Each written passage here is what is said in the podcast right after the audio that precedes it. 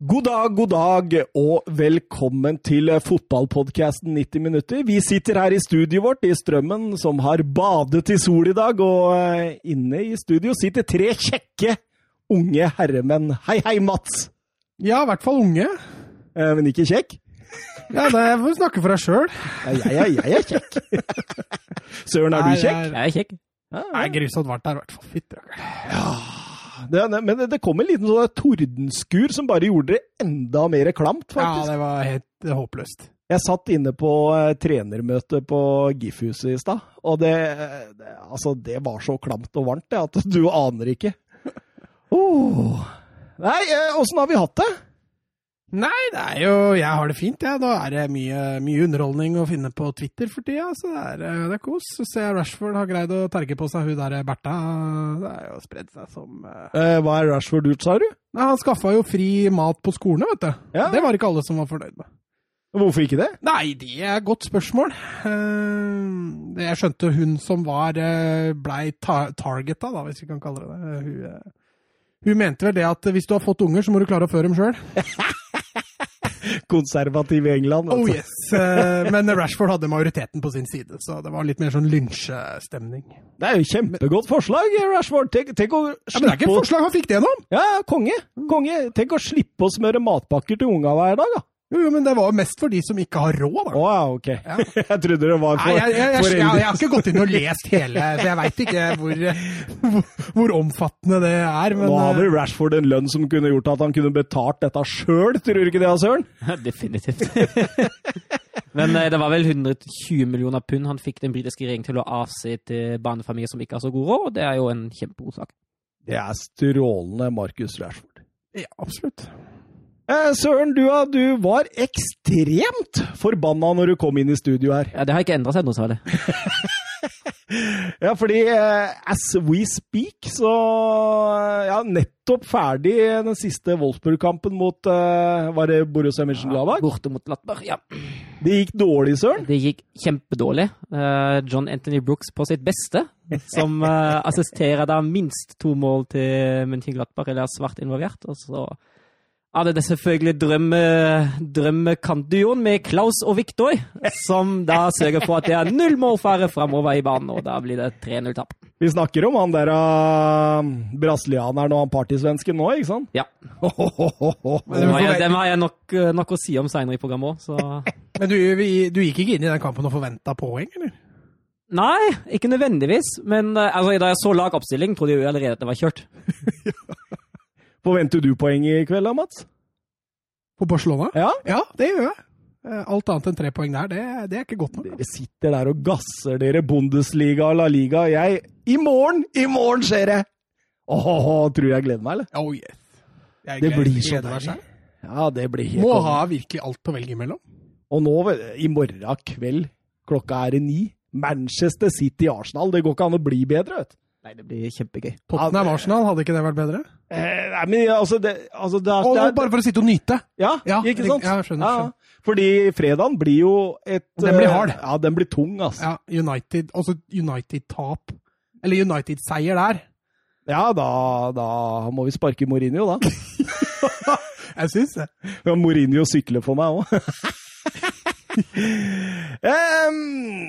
hvem er det som har ti spørsmål i dag? Det er Mats, det. Ja, det er meg, det, vet du. Ja, ja, ja. ja. Så der, eh, Søren, nå ryker uh, jeg, jeg er en soleklar uh, Herstadmoen IL i dag. Nei, du, det har jo nå den eh, psykiske påkjenning etter tunge tapet mot Mönchenglattberg, så jeg tror du er soleklar favoritt, du. Ja, du, blir, du blir aggressiv, da. Vet Jeg blir da- sur, ja.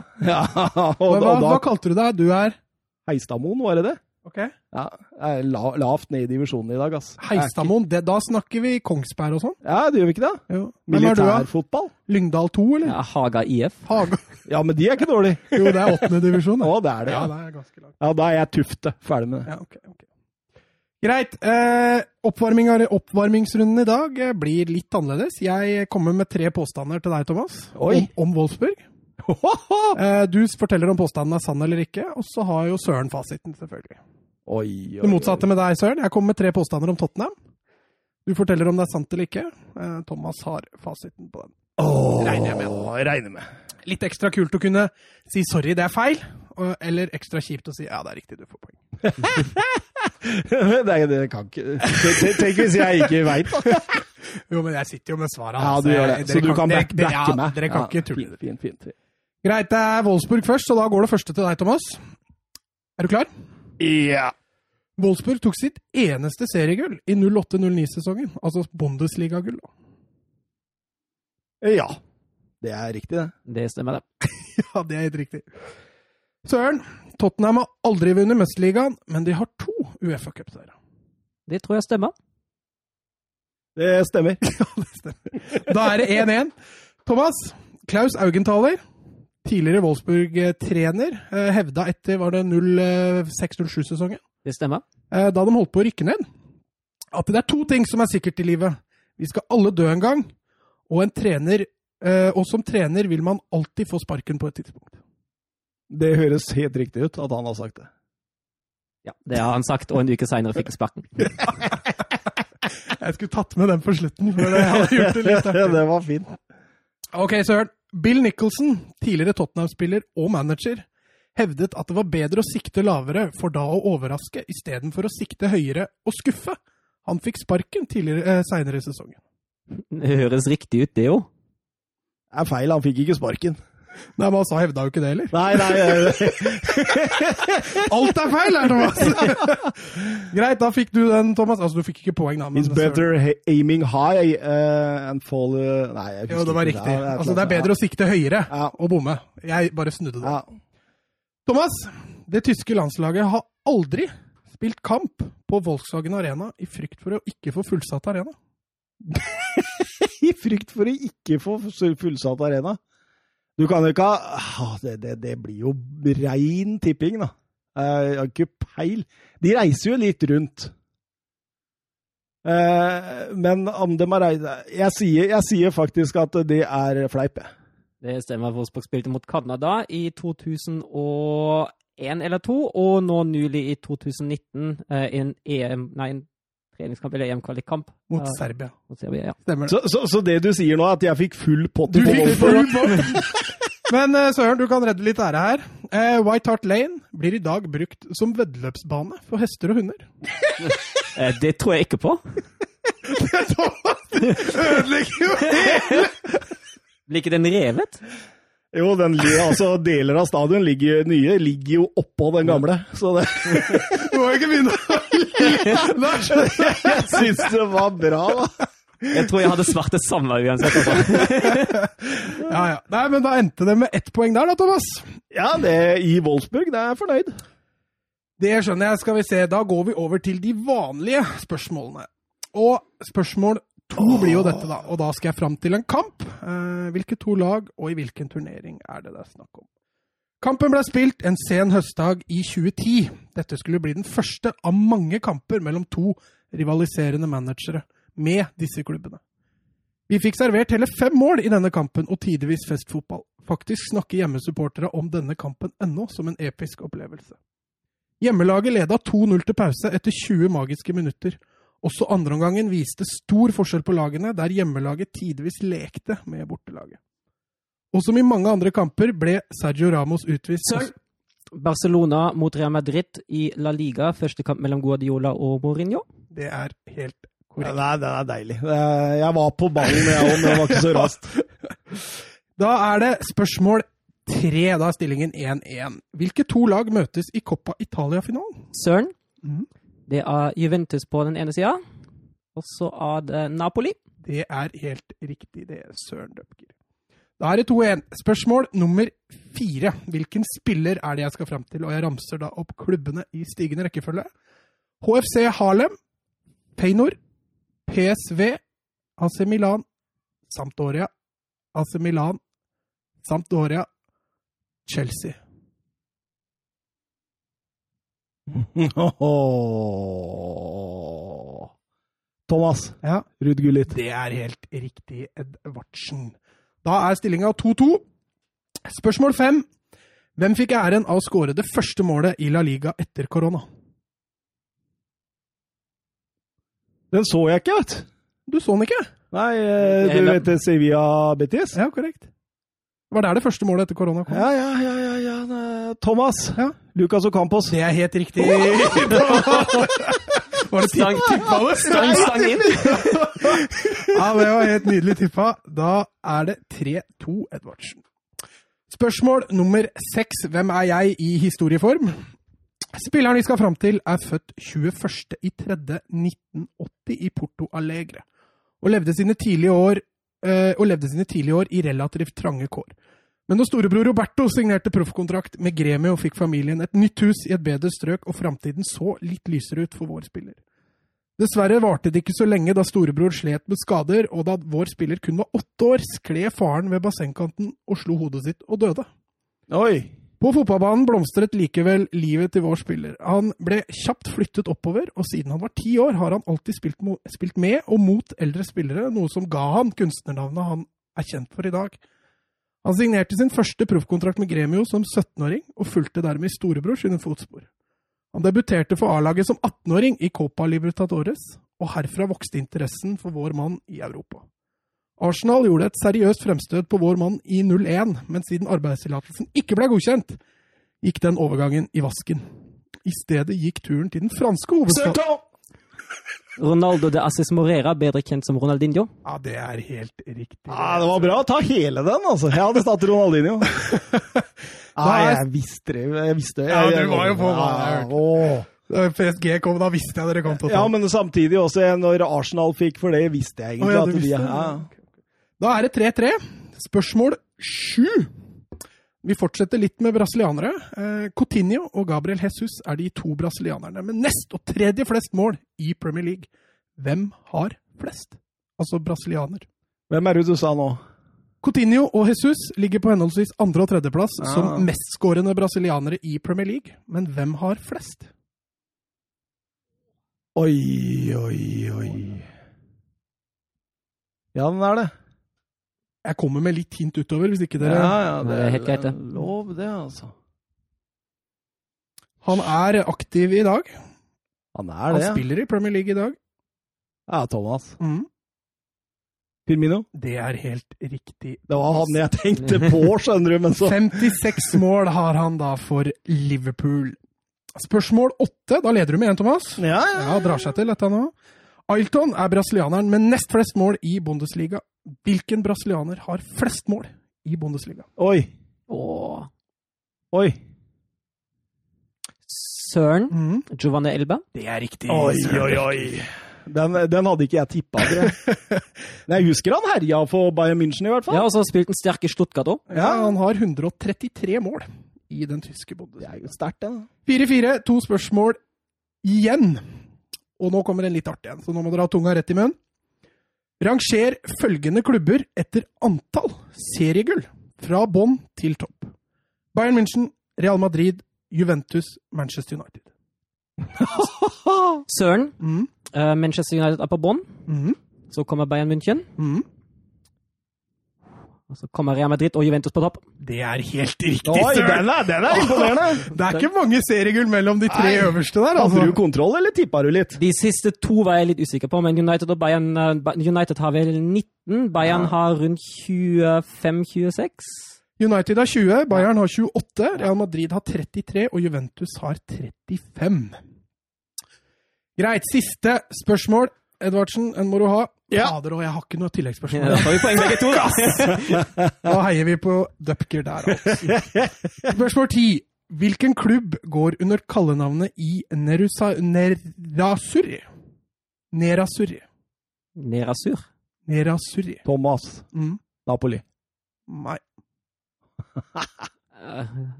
Jeg har faktisk ikke peiling. Uh, jeg vant det. Nei, det er snakk om Inter der, altså. Ah, selvfølgelig. Det var siste spørsmål dere da ikke klarte, eller så klarte dere alle. ja, det er Det er imponerende. men eh, Søren dro ifra igjen, Ja, da. Søren vant der, ass. Ja, ja, ja. ja. Søren Du, pleier å jeg gi deg ikke enda, altså. Han blir så ivrig, vet du. Ah. Ja, ja. Nei, men det var en bra quiz. Eh, Atskillig lettere å takle det tapet enn den forrige du hadde. den, den burde nesten strykes fra listene, faktisk, den forrige. Smartest du Søren. Uh, Vi uh, kjører litt intro, ja, så kjører vi videre. Gratulerer Søren med seieren. Takk.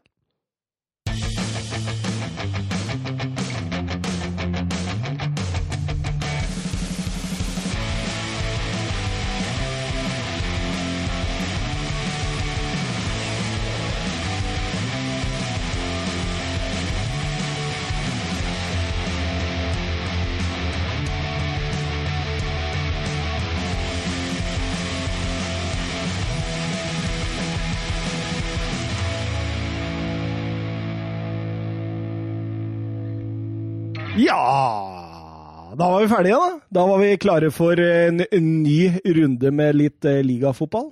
Ja, vi skal ikke dvele litt mer med den quizen? Nei, det er ikke jeg, altså, jeg, Det var en jevn kamp. Jeg tapte til slutt på Var det Elber, var det ikke det? Ja. Det er helt innafor, det. Ja, Dere kunne kalle navnet ditt. Det er mulig jeg uttalte Ja, det men, feil. Altså. ja, men altså, jeg, jeg, jeg tror kanskje jeg ville altså, det er Du ikke- tippa i hvert fall riktig land, da. Ja, ja, men uh, Altså, vet du hva? Uh, og jeg burde tatt Ronaldinho litt tidligere. Uh, så den ja, burde var det vært der dere nesten sa likt? Ja, det Ja. var vel det. Med en gang PSG kom. men, men, men så, så, så han vinner liksom på grunn av at han er litt raskere enn meg her Ja, òg. ja. Ellers er jo Det er en jevn kamp, og det er helt fair å tape sånne, syns jeg. Men det er nok hakket bedre å tape sånn enn å lede 4-1. Er Ja, ja, ja. Du har fått et par sånne skikkelige Ja, den er, den er kjip. Jeg det sitter i et faktisk Men det er enda verre når du føler at han som stiller spørsmålet, er årsaken til at du taper. Sånn var det ikke nå! Nei, sånn var det ikke nå. Det, dette var fint, og det, da skal jeg ta et, et tap med godt humør. Ja, det er bra. Eh, La Liga-fotballen den blei jo sparka i gang igjen, den, Mats. Ja, jeg gleda meg vilt på torsdag. Det var, det var helt nydelig å benke seg ned med et, med et El Gran Derby.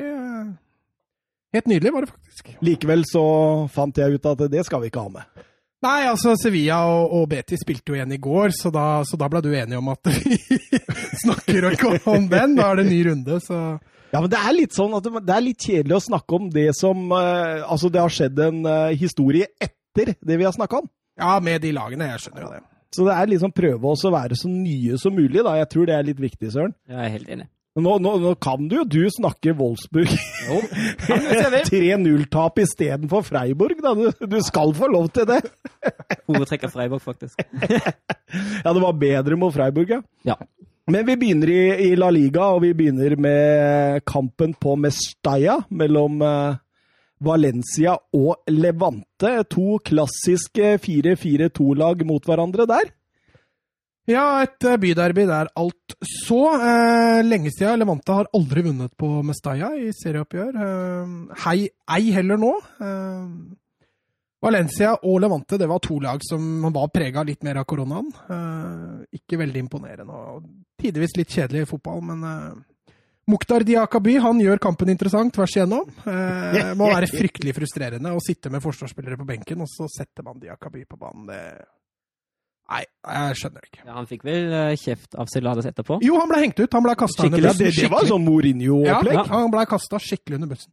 Og Hva er det han sier? Han sier at eh, han koster oss eh, poeng i ligaen, og han koster oss av avansement i Champions League. Det er vanskelig å passe inn og bli akseptert når man spiller på den måten. Ja, altså som jeg sier, han hadde jo, han hadde jo alternativ på benken. og og stoppepartneren hans, som debuterte i La Liga, han var brukbar. Ja. Eh, og Diakaby, etter det Celades gjorde der jeg, jeg Er det noe vei tilbake? Ja, det må i så fall bli tida til hjelp. Mm. Eh, han er ikke inne i førsteelveren igjen med det første, det er jeg ganske sikker på. Så det blir han Guamon og, og eh, Mangala i neste. Ja, Det er ikke Mangala så veldig mye bedre, da. Eh, Men, men han går jo tom for alternativer her. Garay rekker jo ikke noen flere kamper, og, og Paulista er også, har litt også trøbbel, så. Mm. Det Men det er fryktelig tynn suppe fra Valencia generelt sett også. Det er ikke bare Diakaby som skal ha, ha all skyld her, men eh, det er liksom litt, litt trått. Du ser Geders er litt rusten, sliter med å, med å omsette de sjansene han får. og Maxi Gomez kommer jo aldri i skikkelig skåringsmuligheter. Ja. Men det er klart, når du tar ledelsen i det 89. minutt, Da da er det tre poeng, da. Og det var vel også med én mann mer på banen da. Mm, det er helt at, eh. Roger fikk sitt eh, første røde kort i La Liga på sine 108 La Liga-kamper. Ja. Eh, ja ja, da ble det 1-1 for Valencia, da. Og eh, ikke noe videre bra, det, med tanke på topp fire. Nei, det, altså, de er fortsatt uh, er et, Ja, nå har ikke jeg fått... nå røyk vel samtlige topp eh, Altså de Ja. der som kjemper om den ja, fjerdeplassen. det er Det er vel det. 1-1 på alt sammen der, nesten. Så Valencia var sånn sett litt heldige der. Eh, I tillegg så røyk jo Sevilla i går på en uavgjort. Sånn at eh, det er vel, hvis ikke jeg tar helt feil, nå har ikke jeg sett åssen kampene i dag ligger an, men det er vel bare tre eller fire poeng opp til den fjerdeplassen fortsatt for Valencia. Ja. Men hvis han skal fortsette å dytte inn Diakaby der, så blir det, det blir hardt, altså. Eh, Fløt opp på midtbanen, som han gjorde med, delvis med, med hell i Europa League. Men det var i vet du. Ja, stemmer, Det var ikke Celades. Eh, og så nevne den på slutten der med, med at Levante setter den på straffe, da, eh, som Diakaby. Ja, det er så, det er så, natta. klønete. Altså, jeg kan for så vidt forstå argumentet med at det er ikke alltid det der blir straffe. Men eh, det er en grei straffe, og, og fryktelig urutinert. Nå skal vi til eh, ferieøya Mallorca, der eh, Barcelona hadde tatt turen, Mats. Og det var vel en kamp du fulgte på litt sånn ekstra godt. Hva mener du følte på? Ja, altså det, det var en kamp du virkelig har gleda deg til. Oh yes, eh, den, den kampen der var Der satt jeg lenge før, faktisk. Satte på Strive og måtte se reklame ganske lenge før det begynte. Så det, det, var, det var gøy. Og Og det så ikke ut som de hadde noe koronapause, de. Nei, det var en høy gjenvinning av de Jong der, som i stedet for å dra han med seg inn, eh, slipper han ut igjen til Jordi Alba. Som veldig smart og voksent valg av de Jong der, egentlig. Innlegget til Vidal og strålende løp inn på første. Han vil han vil skåre mål, ser du. Eh, Kommer inn på første der og drømmestart. Vidal han har vel eh, Jeg tror han har ni skudd på mål denne sesongen, og sju av dem har gått inn. Ja, det stemmer. Så det er ganske heftig tall av Vidal. Ja, det er sterk kvote, altså. Er er det en av Barcelonas mest uh, undervurderte menn? Ja, altså I hvert fall hvis du ser på, ser på innsats og vilje, vil jeg jo si det. Altså, Han altså, passer jo han bare inn i noen enkelte kamper. Det er det som Ja, er Man greia. har noe som ingen andre Ja. der har, ikke sant? Jo, jo, men det er derfor jeg sier at han passer inn i noen enkelte kamper. Ja, Og når kampbildet blir som det blir mot Mallorca, så er jo Vidal en ålreit spiller å ha der. Han. ja, han er det. Han er det. Eh, alltid i boksen, alltid på vei hjem. Han løper jo vanvittig mye, vet du. Og gjør opp for det mange av de andre gutta der ikke gjør. Og så var det en danske som skårte sitt eh, første mål for Barcelona. Danske med campingvogn. Ja, ja, ja. ja. Wolfsburg utskuddet. Utskuddet, ja. Eh, kan du nevne to andre danskene i Barcelona-historien som har skåret mål?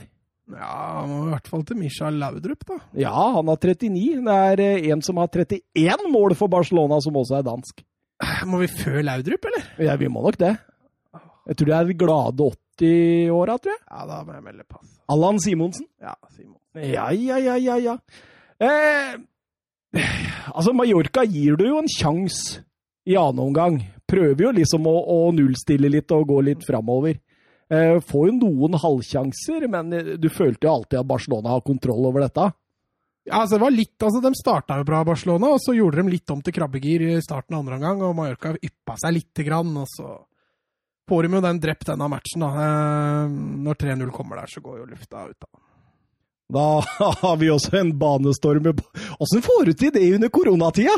Ja, jeg leste jo at han hadde klatra over en to meter høy vegg og løp forbi et par vakter, så han hadde jo styra ordna for å få det til, da. Men eh, det skal, jo- det skal jo ikke være mulig. Jeg flirer av det intervjuet. Jeg hadde, jeg hadde lyst på en selfie av Messi. Eh, Jeg fikk en selfie med Messi, men den var ganske dårlig, og politiet sletta den. Det er bortkasta, vet du. Ja Men eh, nei, det blei en grei Barca-seier. Messi gjør jo eh, 4-0 der, og, og jeg syns jo liksom den sett igjen-fotballen, da, Mats, at, den sitter litt bedre gang for gang nå. Altså, jeg, jeg la litt merke til eh, Prøvde å stoppe litt og, og, eh, og kikke litt på hvordan han vil ha det.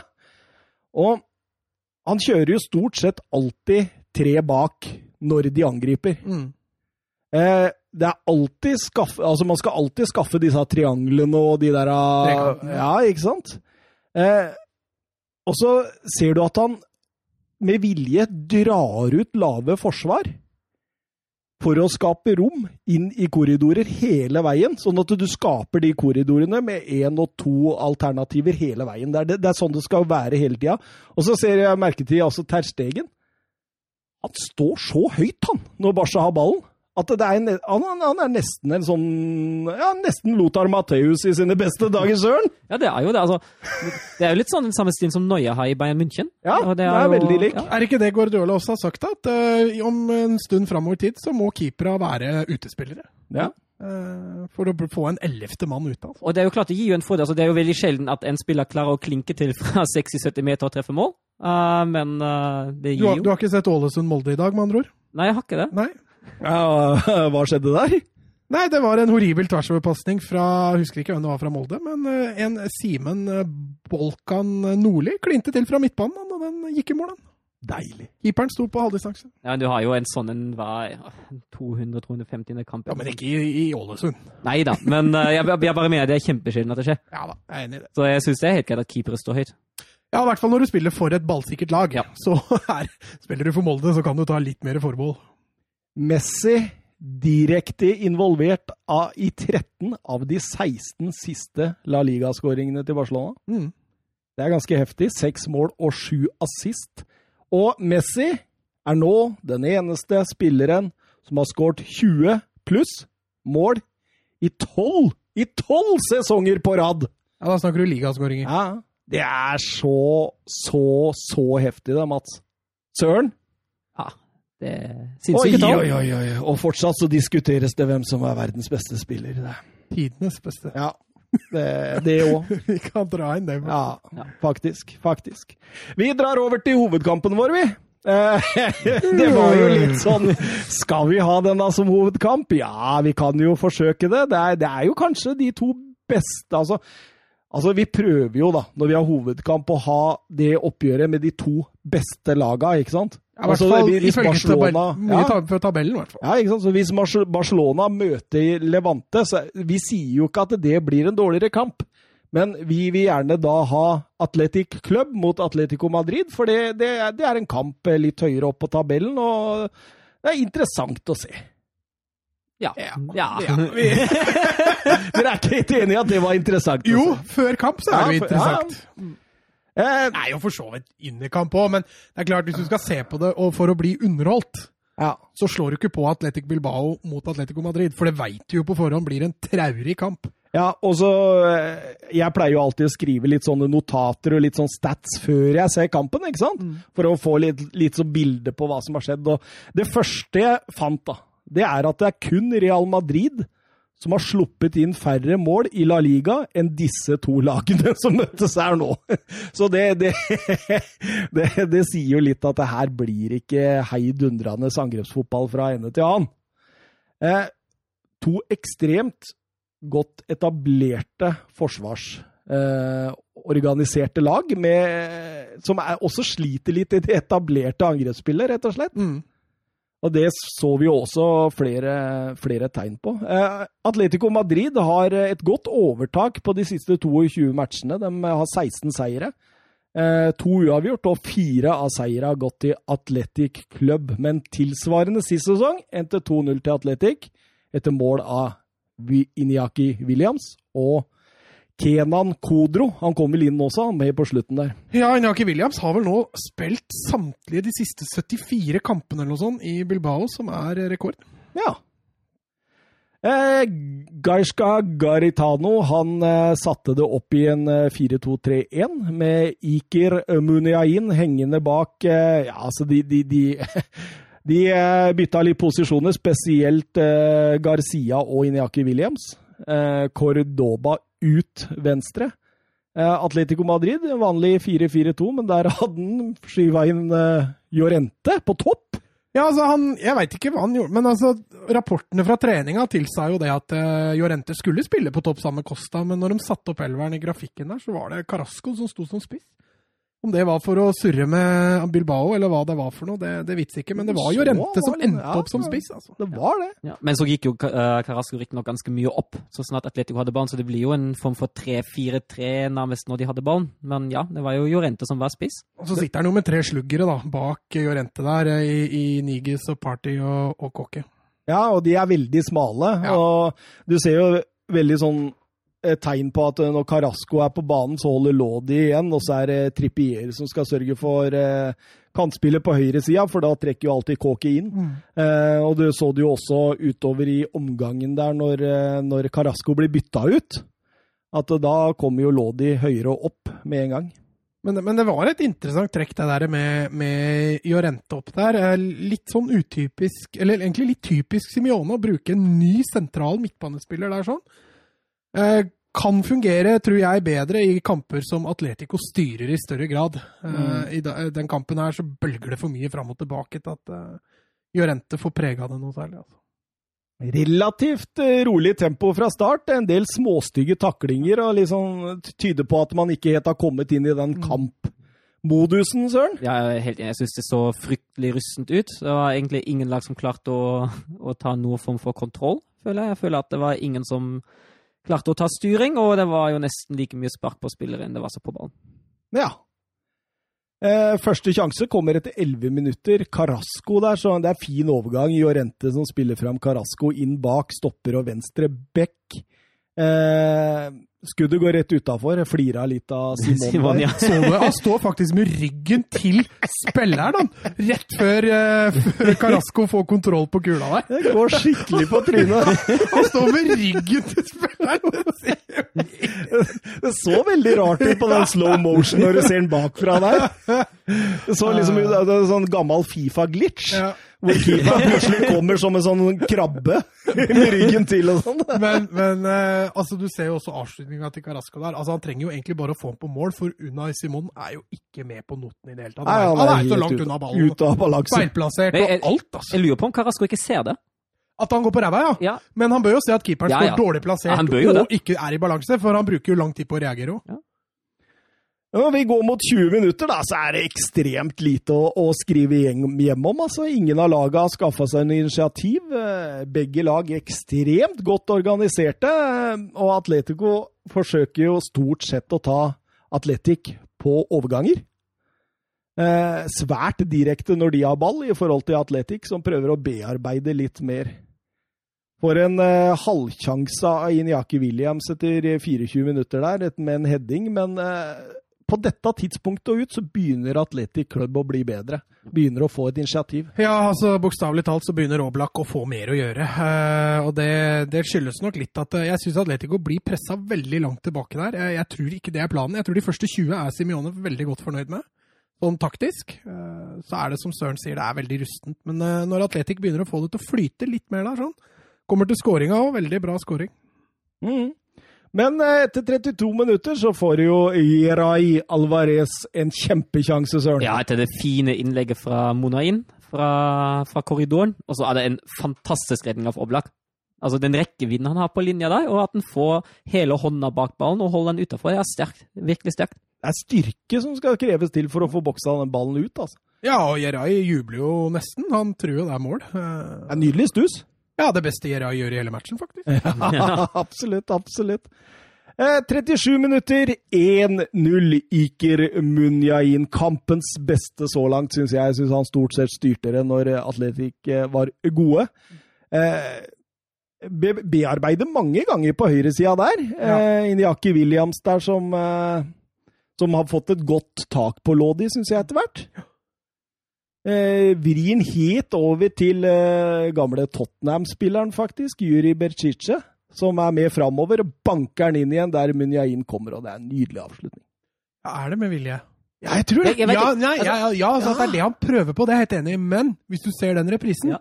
så tror jeg han går i motspiller, tilbake igjen i Muniain Mm. og så i mål. Ja, jeg er helt enig. Jeg, jeg tenkte meg så- akkurat samme tanken. Og, og kommentatorene sa ikke noe om det. De sa ja, han går via den, men det er det Muniain prøver på. Jeg er helt enig, jeg tror det er det han prøver Ja, på. ja. Å legge den tilbake igjen der, eller motsatt da, av Oblak. Det er litt som hælsparket til uh, Luis Suárez. Ja! Nei, nei, nei, nei, nei, nei, nei. Men, men uh, en fin scoring, og sånn sett en fin avslutning, men der er det mye flaks, tror jeg, altså. At den Ja. går.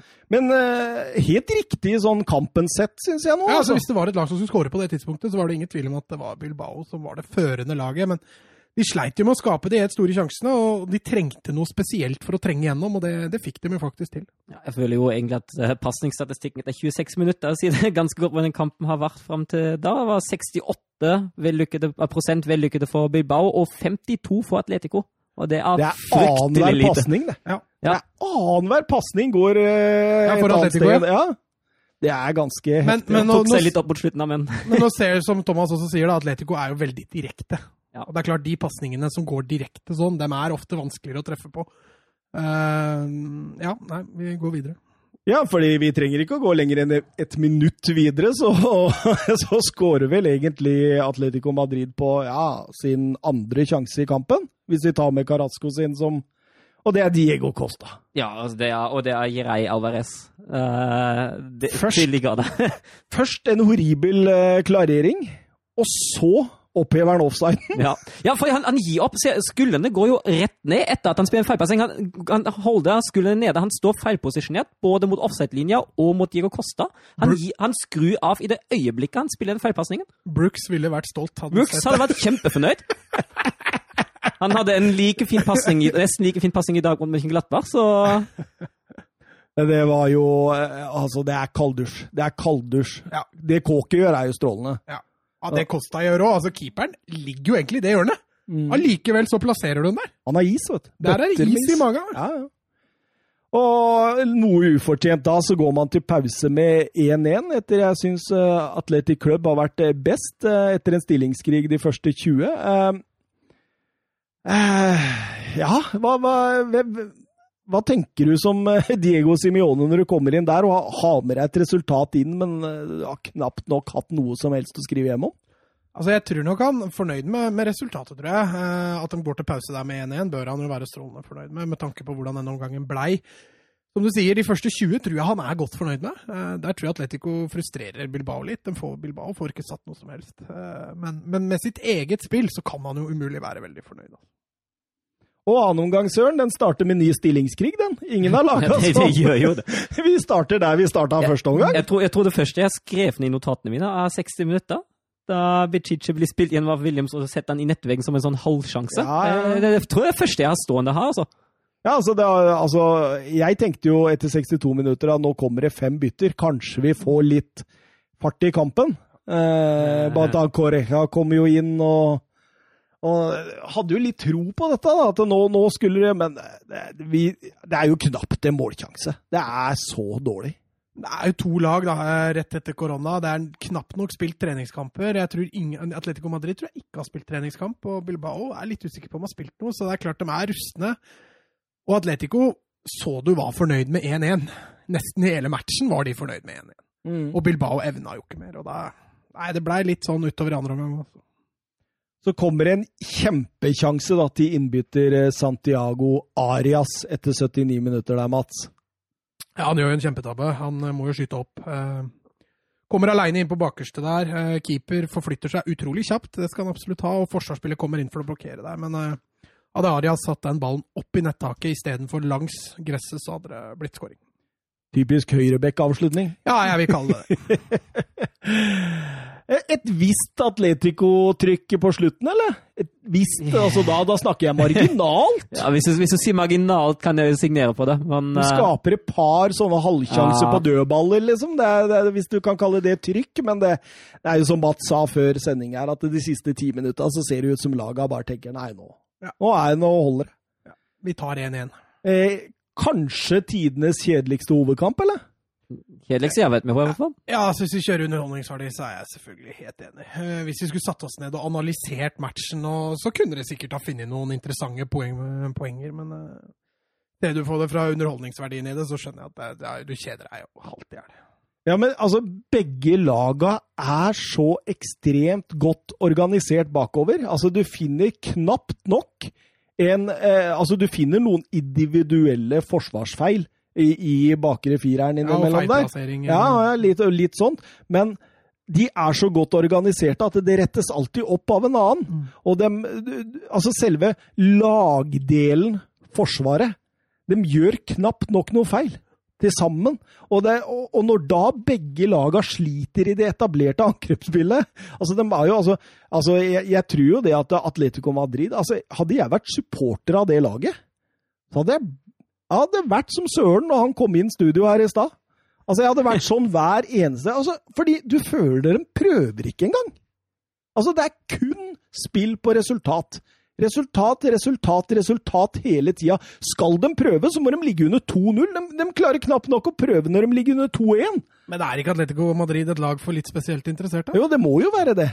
Altså, For de som heia på Atletico før Diego Simione kom inn Når Simione kom inn, så vant de jo titler på dette. Ja, ja. Så de må jo være strålende fornøyd. Og hvis ja. du begynner å heie på Atletico nå, så veit du hva du begynner å heie på. Du, du veit hva du får. Ja. ja. Så for Thomas Edvardsen å begynne å heie på Atletico Madrid, så sitter jo den sikkert litt langt inne. Den sitter veldig langt inne, føler jeg. Altså, det begynner å bli et av de La Liga-laga jeg på en måte legger lengst bort i skuffen når jeg skal se La Liga. Ja.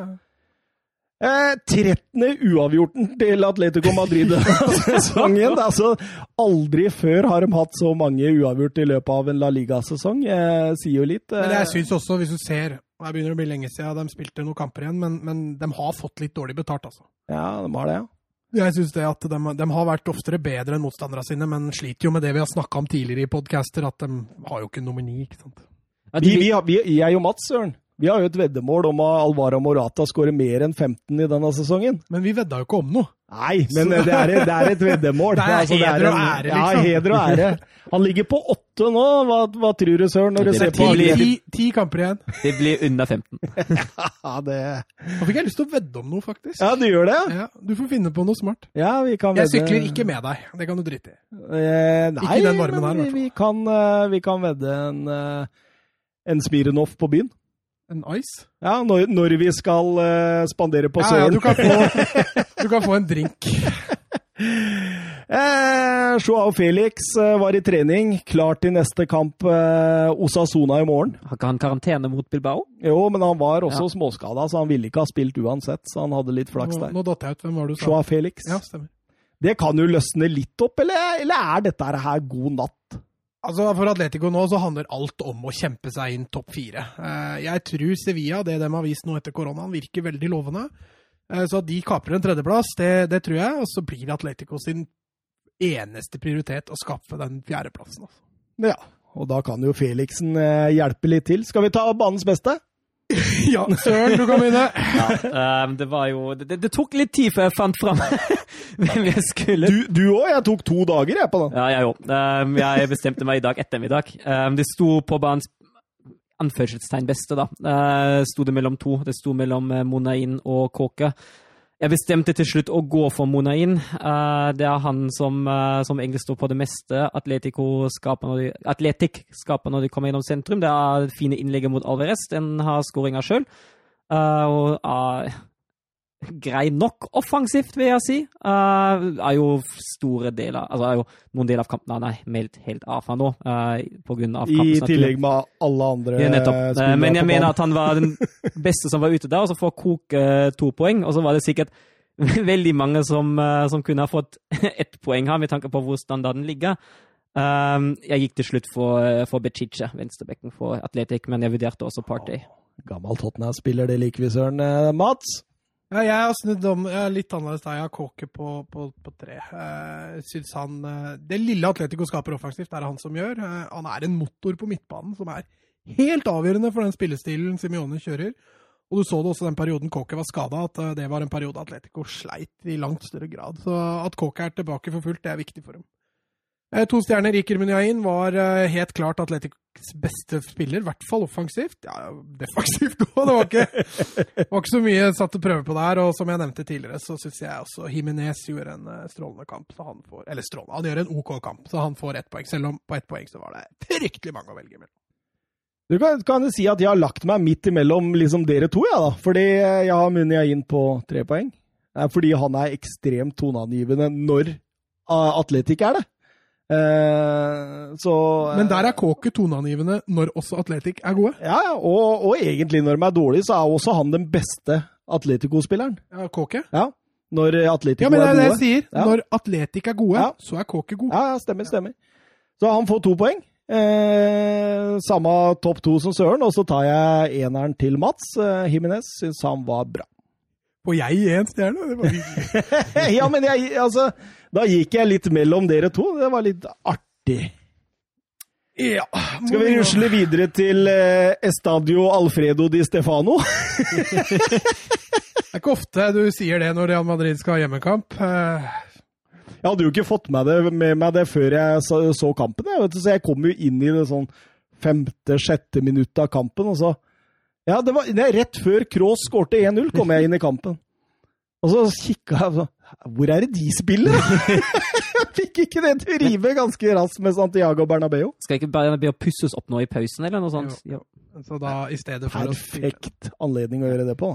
Ja, de har jo brukt Bernabeu som et slags eh, oppholdssted for koronasyke nå i den perioden det har vært. Så nå driver de og pusser opp, og da fikk de disp til å spille seriekampene som var igjen denne sesongen på de, Al nei, Alfredo Di Stefano Estadio. Ja, hva skal vi si om uh, Dette var jo en kamp uh, egentlig delt i to omganger, hvor den ene var uh, underholdende, den andre var litt mindre underholdende. Men samtidig, Real var gode i første omgang. Ja, og så var de fryktelig gode effektivt i første omgang. Jeg synes De skaper jo ikke all verden, men de dominerer jo banespillet. Kroos sin scoring er jo Altså, det er Se og lær, altså. Nydelig, nydelig. Bare pasning opp i krysset, liksom. Ja.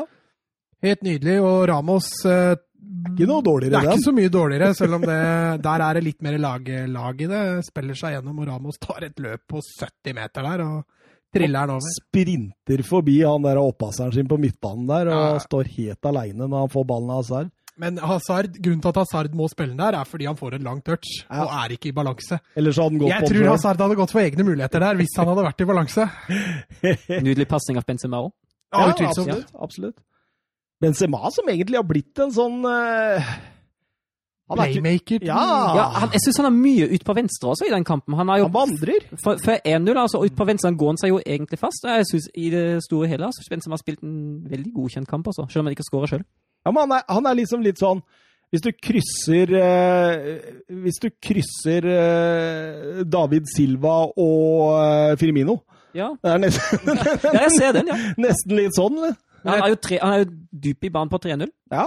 Men jeg tror også Real Madrid begynner å bli fornøyd. Altså begynner å bli, Nå har ikke Sard spilt så mye, men, men det samarbeidet de begynner å få, da, det tror jeg kan bli veldig viktig. Eh, Nå er jo denne sesongen her snart ferdig, men, men framover da, eh, så blir nok det samarbeidet viktig for dem. Altså. Men vi, vi snakka jo tidligere episoder om det å unne noen. Og det ser ut som Benzema liksom unner lagkompisene sine. Ja. Det, det, det gjør ikke så mye om han ikke skårer mål sjøl. Og det, det er en viktig egenskap når du spiller den type spiss i et 4-3-3. Eh, men Eibar, da. Det, det var ikke dårlig det de stilte opp med, Mats. Pressa jo til og med høyt. Ja, Du mener ikke mannskap, du mener hvordan Ja, men jeg de spilte? Mener, ja, ja. Nei, altså en første omgang blir de jo som selvfølgelig De blir litt underlegne i banespillet og straffa hardt på at Real Madrid er veldig effektive. Jeg tror Real Madrid har fem gode muligheter og skårer tre mål i første, så det, det viser jo at de er effektive. Eibar også har et par gode muligheter og bør altså den den eh, Courtois tar der òg. Det, det er gode muligheter for Eibar. eh, Men det er litt, litt sånn flatterende egentlig at de går til pause med 3-0, selv om Real Madrid leder fortjent. Ja, For den andre omgangen så er det jo faktisk Eibar som imponerer mest, Søren. Ja, det er jeg enig i. Uh, de begynner jo å nærme seg litt som i langskudd og sånne ting, men uh, så begynner det å, å ta seg ordentlig til. Treffer jo tverrliggende etter et hjørnespark, og så kommer jo 3-1-målet etter 60 minutter. Det kommer jo, det kommer jo med varsel. Det, det, det lå jo i lufta i, uh, i hvert fall fem minutter at Eibar kom til å bli farlig nå. Hva sier vi om keeperspillet til Courtois? Det er som en gresshoppe der han står og spreller. Jeg, jeg, min, mitt første inntrykk var at det var svakt. Det var det. Ja. Det var det. Det Pedro kom- Leon også en stor sjanse på slutten. Altså det, det, da kunne det blitt match, altså. Men altså, det blir, jeg tror kampen blir litt ødelagt òg, for Real Madrid blir tvunget til et par bytter der. Jeg tror det er et par planlagte bytter. Eh, Hazard tror jeg var planlagt eh, lenge før kampen starta, at han skulle ikke spille mer enn 60. Ramos tror jeg kanskje blir tatt litt på senga at må ut der, eh, men de tar ingen sjanser. De har jo tross alt fem bytter der, så de tar den ut. Og Carvahal som måtte ut i pausen. Så det støkker nok litt av spillet til Real Madrid i, i andre omgang, og tar fra dem en mulighet til å gjøre det resultatet enda bedre. Ja, eh, Zinedine Zidane eh, feira derfor sin 200. kamp som Real Madrid-manager med seier, og eh, han eh, feira også den med å, å gjøre Altså, jeg sa det, snakka litt om det før studio, at han, han gjorde noen nye manøvre. Altså, så du han gjorde litt eh, som eh, godeste Godeste Kike, nei, Kikesett igjen, jo. Ja, for han kjørte jo Krås ned i en treer eh, bak når de hadde ball. Eh, for å slippe løs Marcelo og Carvajal. Han eh, kjørte kantene, nei, kantene inn når Eibar skulle presse dypere. Og han eh, prøvde å slippe opp eh, Altså, det han Og så kjørte han også en Guardiola, hvor han kjørte bekkene inn som en slags defensiv midtbanespiller nå, i oppspillsfasen. Da. Mm. Så han gjorde liksom både Kiki Setien og Guardiola. Det er åpenbart at han har sittet på tegnebordet og tenkt at jeg tror ikke jeg finner opp kruttet på nytt, men det Guardiola gjorde i City der i den, de første kampene der, og det Kiki Setien gjør i Barcelona, det er litt lurt. Mm. Jeg kan gjøre noe sånt, jeg òg! Men, men altså, tidvis så fungerte det spesielt i første omgang. Eh, og Marcelo han, eh, han etterlyste han litt på venstrebekken i starten, men han kom jo fryktelig etter hvert. da. Eh, men han var litt defensiv til å begynne med. Ja, og som jeg nevnte, så var jo dette Zidane sin 200. kamp. Eh, Det er bare to managere i, i Real Madrid som har flere kamper i managersetet enn eh, Zidane. Kan dere nevne de to? Ja, det er Del Bosque. Ja, det er helt riktig. Han har 246 kamper, men det er én som skiller seg ut. Han har 605! Ja, da må vi langt tilbake. Ja, det er Miguel Munoz. Ja. Det er det. Men en eh, grei seier. Real Madrid gjorde jobben i første omgang og seila videre. Hva skal vi si om Ødegaard og Real Sociedad, da? Sitt oppgjør mot Osasona? Ja, hvis Atletico var drøyt, så var ikke det der så voldsomt mye bedre. Da snakker jeg ikke nødvendigvis kun om Ødegård, men kampen i seg sjøl. Var tynn suppe hele veien. Ja, Jeg kan skrive under på det. Det var ekstremt kjedelig. Altså, Sociedad fant jo aldri ut av presspillet til Osasona. Enten eh, lå de høyt og aggressivt, eller så lå de lavt kompakt i 5-3-2. Blei ekstremt lite rom, og han godeste Ødegaard han var nok frustrert etter kampen, tror jeg. Ja, men han, han gjør litt dårlig valg i den kampen her. Han er ikke liksom helt å kjenne igjen. Jeg syns han starter bra. Ti første minutta så er han litt toneangivende, og, og han prøver mye. Etter hvert i kampen så må han bevege seg og løpe fryktelig mye for å få kula. Og når han får kula, så må han enten ta en enkel støttepasning, eller så prøver han på noe som er litt over det han kan, og det, da blir det litt tynn suppe fra Ødegaard sin del. Altså. Ja, det var litt kjedelig, det, Søren. Ja. Eh, bedrer eh, seg noe i starten på annen omgang, syns jeg. Litt mer bevegelse. Da har jo Adrian Lopez satt inn straffespark eh, til Osasona. Ja, var det straffespark? Ja, han treffer vel henda og gir en eh, ganske stor retningsforandring der. Det er jo et innlegg. Det var Ja, vel kanskje ingen i enden der. Henda langs sida, Ja. og han får en dytt. Ja, ja, jo, jo, kanskje. Jeg syns den var fryktelig, fryktelig. Men det er som sagt, den hens-regelen den blir vi aldri klok på likevel. Å diskutere hens, det, der, der sliter vi litt. Får vel litt i Bundesliga òg. ja, absolutt.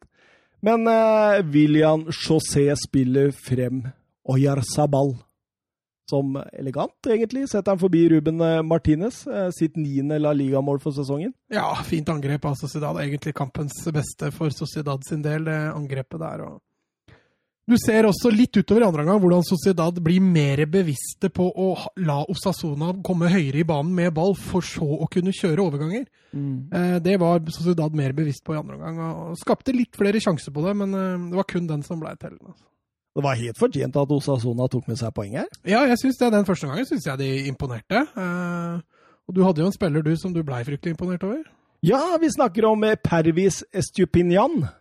Han var god, han. Han venstrebekken eh, til Osasona. Så jeg måtte jo, altså når jeg blir imponert over spillere jeg ikke kjenner sånn altfor godt til fra før av, så må jeg jo inn og google. Da er det Transfermark og der er Google og alt mulig. Og så fant jeg ut at han eies jo av Watford. Ja, det, ja. Han eies av Watford. Han er 22 år. Han er fra Ecuador. Kom fra det laget som eh, Antonio Valencia har gått til nå, mm. i, i, eh, uten at jeg skal uttale det. eh, offensiv, atletisk, rask, eh, ekstremt eh, imponerende. Altså, tre sesonger har han vært på lån i Almeria, Mallorca og nå i Osasona. Eh, snakkes også, fant rykter om den, at eh, Manchester United og Tottenham eh, Men er det noen spillere der ute som ikke er rykta Nei, til Manchester United? Det har jeg, det har jeg til på nå. De skal jo ha en hel verden av fotballspillere. Det er åpenbart at det med at eh, vi har mye penger, det Altså, Det er sikkert taktikken til Solskjær òg. Hvis vi har alle spillere, så kommer vi til å vinne. Levante Sevilla, den gikk jo i går. Ja, det stemmer. Eh, Sevilla har god kontroll i 75-80 minutter der, etter at Luke de Jong ja, Så du det forspillet til eh, Diego Carlos? Eller? Ja, og pasningen inn fra Munir der òg er ikke mye dårligere, den heller. Strålende angrep, og, og det ser jo lenge ut til at dette skal bare Sevilla kontrollere ut. Ja, Sevilla burde jo også økt det langskuddet til Escudero der på slutten, som stryker krysstanga. Er, eh, altså det, det var riktignok siste muligheten deres, men de, Sevilla kunne fort ha bått både én og to og tre skåringer hvis før Levante får én her. Altså. Isteden så kommer et innlegg av Jorge Miramón. Mm. Knallhardt inn. Thomas Aklik, er det det han heter? Ja, Han ok. bokser ballen rett i Diego Carlos. Det er ikke så mye han får gjort der, stakkar. Uff, det må være Det er kalddusj, altså. Ja, det er kalddusj. Og, og, og dette er jo et tidspunkt hvor Levante er klart best, plutselig.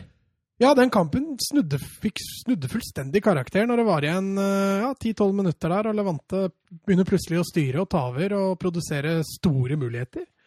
Etter 1-1 der så har de jo også en kjempesjanse som går i stanga der, eh, som Vaklik kan strekke seg så lang han er uten at han når bort.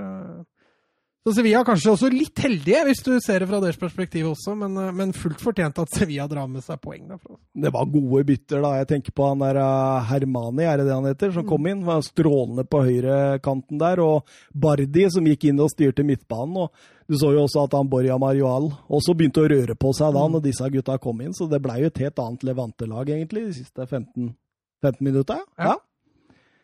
Så det var uh, Men eh, Sevilla der kunne vi dratt ifra, liksom. Der kunne de ha bare kunne lokka den tredjeplassen, nesten. Der kunne de, ja, ja, det er ti kamper igjen, Ja, selvfølgelig. Men, men ja, jeg er helt enig. Der kunne de fått eh, Med tanke på hvordan de lagene bak dem nå driver og styrer og ordner, så kunne Sevilla tatt en stor skalp der og dratt litt ifra. Nå, nå kan det bli litt mer åpent hvis storlagene bak gjør jobben.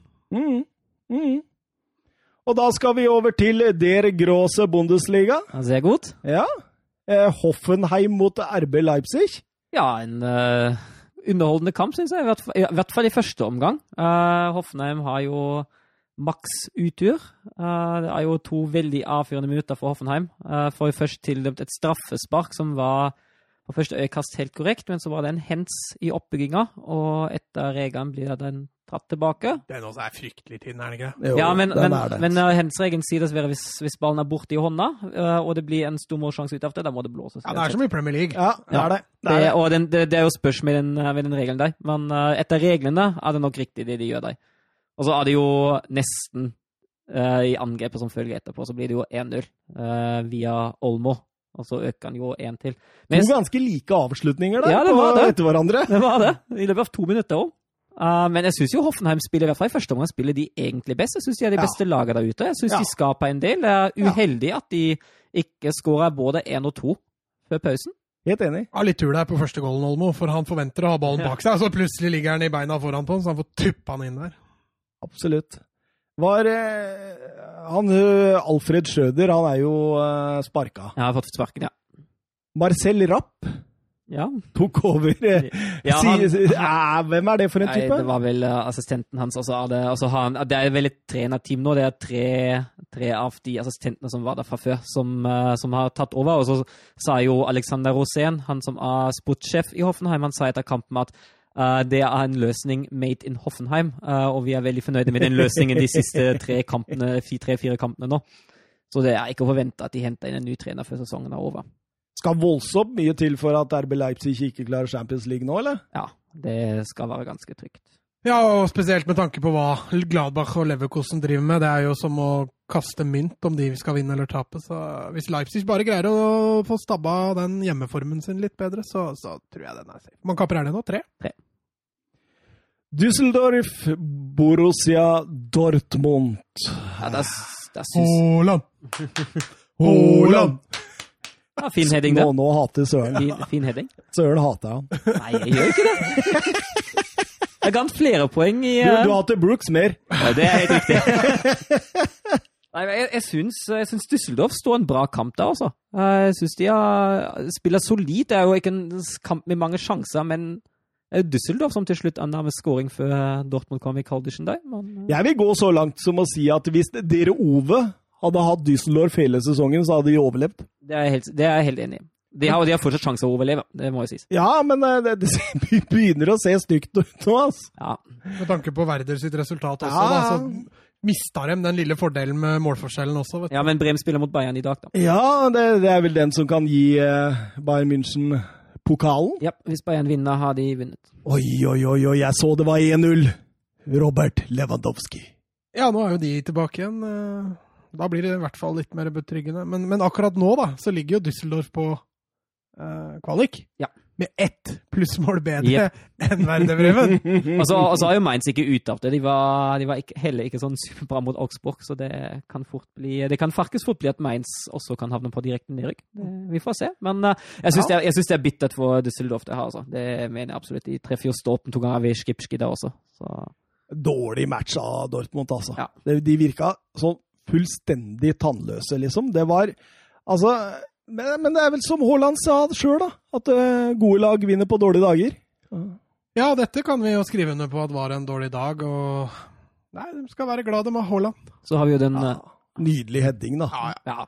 Og ha- herlig innlegg av Akanji. Akanji. Ja, Assist. assist, ja. Fint innlegg. Så har vi den uh, hens-annulleringa da uh, og altså, den er jo litt Den er jo grei, den, Den er i forhold til reglene. Ja, men, Men men det er han, var, han var skikkelig forbanna, han uh, Favre, etter kampen. Ja, men jeg også hadde vært forbanna på den her. Ja, men det er jo, det er, altså, det er jo reglene. Men det blir endra nå til neste sesong, for det er jo den T-skjortelinja som gjelder. Så det er alt over T-skjortelinja, det er jo, det er jo skulder, og under er det hands. Så jo lengre T-skjortelinje du har, jo er ikke helt Jeg... Og begynner gutta å gå med singlet. Nei, omvendt. Du må gå med langarmer. ja, ja, stemmer det. Ja, Det blir helt motsatt, ja. Ja. ja. Åh, det er jo noen som spiller med det. Det er jo Ja, kan Aksel Høyre ta som hendene, avgjøre. vet hvis du har lang nok Ja. armer? Husker Ødegård før i tida. Han spilte med langarma hvor han holdt liksom i ermet. Og holdt fast det. Wolfsburg, Freiburg, Søren. Ja, da, Ehm, Og, og skal vi ta med også at de ta, Wolfsburg tapte 3-0 over Borussia Mönchengladbach ja, takk, tidligere. til, takk til Glasene Brooks og hva de nå heter. Um, Og hva de nå heter. Du ser han blir ukomfortabel, vet du. ja, jeg er fortsatt sur. Jeg kommer til å våkne sur i morgen pga. den Wolfsburg-kampen. Partysvensken og Victor og Brooks og Søren her. Dette er her! Dette blir Europa League. Får håpe det, at vi ikke roter det bort, altså. Men altså, mot Freiburg uh, Freiburg er best de første 15 uten å skape særlig mye. Så er det en, uh, en fin stikker mot Renato Steffen, som legger en fint tilbake 45 mot Wechos, som blir 1-0. Viktig at Steffen var tilbake. Og så blir jo straff. Hva- Det blir jo litt kurio, kuriositet av deg. Det var jo egentlig en scoring ved Ginchek som ble annullert. Men istedenfor blir det straffe for de, for de Ja, stemmer det. Vegårs blir sparka i huet der. ja, Ja. fordi Vegårs blir sparka i huet, så konverterer han den straffen, og så skårer jo Ginchek to minutter seinere etter, en- etter en heading etter kona, men da header han i sin egen hånd. Og så Stemmer det. blir det mål, og da blir det annullert. det også. Ginchek jubla to ganger han uten Ja. å få mål. Ja, det er Men, bittert. men det er bra. Det er egentlig bra dømming, da. Ja, da. I stedet Ja, da. for at han gir den offsiden. Så Ja. ja, men situasjonen før er straffe. Det er, jeg er helt enig, det er bra dømming. Og så, ja, så leder man jo 2-0, og så er det John Anthony Brooks som kommer med sånn jeg vet ikke hva det var, delfinhopp midt i, midt i boksen under ballen. Delfinhopp! Det ser ut som en sånn delfin. Var det på 2-2 du snakka om? 2-1. 2-1. Ja, hopper han jo under ballen. Av en eller annen grunn. Jeg vet ikke hva han driver med der. Ja, han tror han er en delfin. da. Dolphin Brooks. altså, altså er det to ting, eh, to ting jeg ikke skjønner. Det første er hvordan man kan komme ut i pausen og få 2-2 ut ifra etablert forsvar når lagene nettopp har satt spillet i gang. Det vil ikke inn i hodet mitt. Um, da er jo Pongacic også veldig, veldig involvert. Ja, for det var jo Ja, det var- tragedie. Ja. Det var tragedie. Helt enig. Um, altså, altså spiller, Wolfsburg spiller jo egentlig en helt grei kamp fram til da. Spiller helt OK framover. Helt er ikke fullt så OK bakover, men spiller, spiller, spiller greit framover. Men det var en Babu god? Ja, Babo var god igjen. Han er jo, han er jo, han er jo arkitekten før I dag, da? Var han god i dag? blant de beste i, en, eh, Oi, i et svart lag. Begynner å ta steg, han der, Ja. Bob. Han har jo også den snart rykta til United. Ja, neste ryktespalte nå, så er han eh, United-spiller. Han hadde jo den redningen mot Linhardt også, han redda på streken rett før Ja, streken. stemmer, stemmer. Men altså, altså går jo ting altså Selv om det blir 2-2, det går jo ikke så dårlig. Det går jo noenlunde OK. Og så etter 55 minutter, da tar han ut begge kanter, Steffen og Brekkalo, og så setter glassene inn Viktor og Klaus. Og det ødelegger jo angrepsspillet til Wolfsburg fullstendig. Det er jo et genistrek hvis jeg har kommet fra Freiburg-treneren. Det var helt sykt. Og som et takk for å ha spilt, som en belønning for å ha spilt en ekstremt dårlig kamp i 35 minutter, for begge to starter mot Mönchenglattberg i dag. Det vil ikke inn i hodet mitt. Disse elendige disponeringene til Glasler de kommer til å koste sjetteplassen hvis alt går feil. Og da inkluderer jeg faktisk Jay Brooks, fordi han bør aldri spille fra start. Han var god i Herta, da, var han ikke det? Ja, han var god i Ja, ja. Ha, ha nivået inne, med andre ord. Burde ha nivå inne. Ja, ja, altså jeg, Det er ikke så lenge siden jeg satt og så på en Wolfsburg-kamp hvor kommentatorene skrøt hemningsløst av han. og sa Ja, det hadde jeg ikke sett nok av. Men altså. Men, men det føler jeg veldig ofte med øh, en del kommentatorer. altså De tar litt sånn altså Du føler ikke alltid at de har helt uh, Særlig når du ser favorittlaget ditt, Ja. så skjønner du her at uh, her er mye tatt på litt gefühl. altså. Altså, I dag var det, jo, var det jo snakk om at den store Wolfsburg-stjernen med Medi var ute med stjerna. Og det er sånn Ja, altså Var, var den ute med stjerne? Sa jeg stjerne? Ja. Med skade? Stjerna var ute med stjerne. Nei, med skade. Men uh, altså, han er jo han er en sånn helt grei, grei spiller i det offensive spillet. Han er Ikke en store stjerne, altså. Det, ja.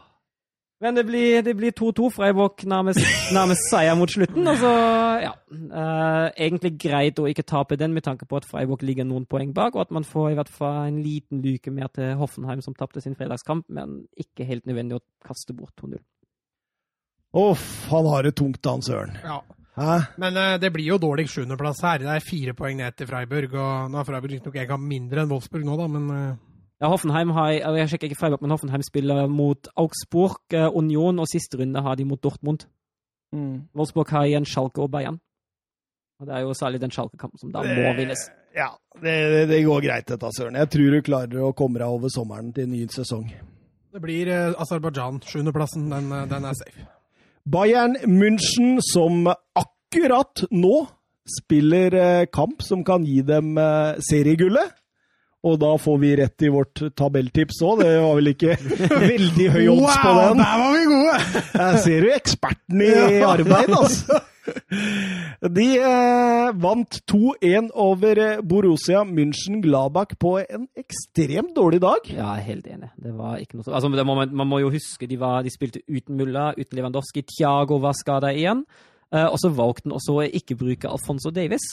Uh, spilte jo Lopez Ja. Hernandez jeg, jeg, på benken, da.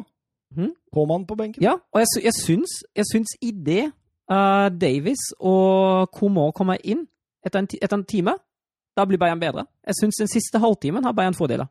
Ja, eh, Det er jeg helt enig i, og derfor har jeg skrevet i notatene mine må si dette preger Bayern München. Jeg tenkte det er ikke så rart at Hansi Flick ikke rullerer så mye. Fordi når han rullerte, så var det jo altså At eh, Borussia München-Gladbach egentlig ikke tar poeng her, er jo eh, bare Jan Sommer sin feil, omtrent. Ja. Da skal ja, vi over var- til 1-0 der. Ja, det var, eh, det var et Vi kan ha tversoverpasning i, i, i lut klasse, altså. Men altså, bra av av Sirkse. Den er jo ikke ferdigskåra. Nei, det er den jo ikke. Men, Det er den, ass. Mye tjener han. ja, greit. Ah, ok, sånn sett. Ja. Ja, greit. Ja. Han har én forsvarsspiller. Keeperen er jo borte! Det er jo åpent mål. Han har én forsvarsspiller foran seg. Tror jeg og deg hadde scora på i hvert fall åtte av ti på de der. Ja, Felix, Jeg tror jeg hadde scora på 11 av 10 òg, jeg. Felix Klaus hadde, hadde satt ni av ti langt over tverrliggeren. Men Han hadde scora på én. Ja. Okay. ok. Du, du, er, du er hard mot han partysvensken. Altså. Nå står han på Stureplan og er glad, er sur og lei. Jeg hører jo ikke på, han kan jo ikke norsk. Jo, han kan det. Han lærte seg svensk. det. Han kan svensk, ja. Da kan du norsk. Sånn er det. Eh, men eh, de skulle jo få en gavepakke tilbake da, når Pavar sklir inn 1-1 der. Ja, Pavar fikk jo både en assist og en goal. Han, han var jo kampens store spiller. Eh, han er jo veldig uheldig der, da. Eh, Han må jo gjøre noe, fordi det står jo en Gladbach-spiller bak han, og hvis han ikke gjør noe, så vil jo Gladbach-spilleren skåre der. Og det, han er jo Altså, du er ikke forsvarsspiller et helt liv uten å ha en sånt sjølmål. Altså. Nei. Og da, selv om de spiller fullstendig elendig, spør du meg, Bayern München, så klarer de likevel, som Dortmund, og grinde ut et resultat. Goretzka, fire minutter før slutt. Den pasningen ute på Pavard der er ikke med vilje, og det er litt synd, for det var et fantastisk angrep. altså. ja, det var veldig, veldig bra. Det var det. Eh, ja, men eh, nå kan eh, Bayern München altså sikre sitt åttende strake Bundesliga-tittel i kveld. Ja, og det, altså, Bayern har jo vært veldig gode under Flick, uh, men det seriegullet var jo litt preg av også at lag som Dortmund og Leipzig ikke er stabile nok sett under en sesong, dessverre. Men Bayern München er stabil? Ja, da Flick kom, var de jo veldig stabile. Tappte, Ti strake nå? Ja, tapte vi bare for Leverkosen og Mönchenglattberg, og da var det, i, var det vel én uavgjort mot Leipzig sist, og så har de vel vunnet alt denne, denne våren. Sist et lag i Bundesliga vant eh, ti strake seire, var under Jupp Heinkes i uh, Bayern München i uh, 17-18-sesongen. Ja. Det er sist gang det skjedde. Nå blir det en liten vri her. Ja, Mats må, må forlate må, studio. Jeg må dessverre stikke, for jeg må dra og levere en nøkkel. Sånn er dere, det. Dere får livsviktig nøkkel som må, uh, går foran podkast, og sånn er det da. ja, så viktig er den. Nøkkelen tilhører hjertet mitt, nemlig. Nei, men vi, vi, ses vel her neste tirsdag, vi? Ja, ja, ja. ja så da, da er det Premier League òg, Mats, og da får du kose deg. Det skal jeg absolutt. Dere så snakkes vi bare på din interne chatten, og litt ned på fotballbanen, og litt på badeplassen, og hvor enn vi møtes. Ja, dette er første gang jeg ikke er med på Ja, du har vært med hver gang, du også. Ja, men dere er jo fullstendig avhengig av meg. Ja, ja. Når jeg drar på ferie om eh, Jeg drar jo til Rondane på hytte til hytte i eh, Ja, det er vel akkurat en og en halv uke til. Da kan ikke dere kjøre podkast, for det, det, er ingen av dere som veit hvordan dere styrer teknikken. Nei. Sant det. Ja, Men så, så har jeg bare én uke borte, da, så skal jeg stort sett være hjemme igjen etter det. Men uh, hytte til hytte, du kan jo sove her, da. du planlegger sånn at tirsdagen blir her, liksom? Ja, ja, ja. Jeg lurer på hvor jeg skal sette den fotballen, da. Uh, ja, nei, men den, Hvis du kommer litt før, da. vet du. Bare styre teknikken for dere, altså. så ja, det, det går helt greit. nei, men uh, det var hyggelig, Mats. Veldig hyggelig. Vi snakkes, gutter. Det og gjør vi. Kjære lyttere. Det gjør vi. Det var hyggelig. Da, mm, Søren, da drar vi dette i land, vi. Ja, Vi har vel én kamp igjen i Bundesliga? Ja, og så har vi litt rykter, da. Ja, vi, det... vi, vi, bør ikke dra den lenger enn vi må i dag. Nei, jeg er enig. Men uh, vi, vi, kjører gjennom Schalke Leverkosen, og det ble 1-1, det, Søren. Ja, og positivt overraska over Schalke der, altså. Uh, stilte jo med sitt yngste lag siden 2016. Uh, eh, mange unggutter, mye skadepreget. Men uh, altså, når de går på innsats og vilje og engasjement, syns jeg de, de, spiller en bra kamp. Altså Spillemessig var det fortsatt litt så som så, men uh, syns egentlig de setter sett under et av det beste laget der ute, altså. Det er jeg helt enig i, Søren. altså. Og den skaderekka. altså Det er ti A-spillere ute. altså det, det er, det, Og det er ikke hvem som helst. Det er liksom, det er Salif Sané, det er Suat Serdar, det er eh, Amin Harit. Ja. Det, er, det, er, jo stjernespillere. Det, ja. det, er jo akkurat som om Liverpool skal gå uten van Dijk, Salah, Mané og, og hele gjengen, liksom. Ja, så har du Burgstad, da. Buchstaller, han, ja. han, teller vi ikke, søren. Han gjør vi ikke. Han, han, han, tror jeg er bedre som stopper, faktisk. For å være helt ærlig med deg. han hindrer i hvert fall mål, da. Men jeg er enig, altså. Det, det virka som Schalke var, eh, var, litt mer på G i denne kampen her, og Leverkosen, det var, det, det var triste greier, egentlig. Ja, altså, det, det Schalke gjør jo bra i den kampen, syns jeg. Uh, Schalke er ekstremt gode til å stenge sentrum. Mm. Altså, så Leverkosen har bare kantene å komme med. Men hver gang, og det, det, det er litt det stikk motsatte som vi så mot Union Melli, hver gang Leverkosen prøver å legge inn, da står det jo unntatt to-tre situasjoner, står det jo en Schalke-spiller der og hender han ut igjen. Ja, ja. Og det er sterkt. Det er en klar forbedring fra forrige kamp. Men denne Edmond Tapsoba Ja, den straffen, tenker du?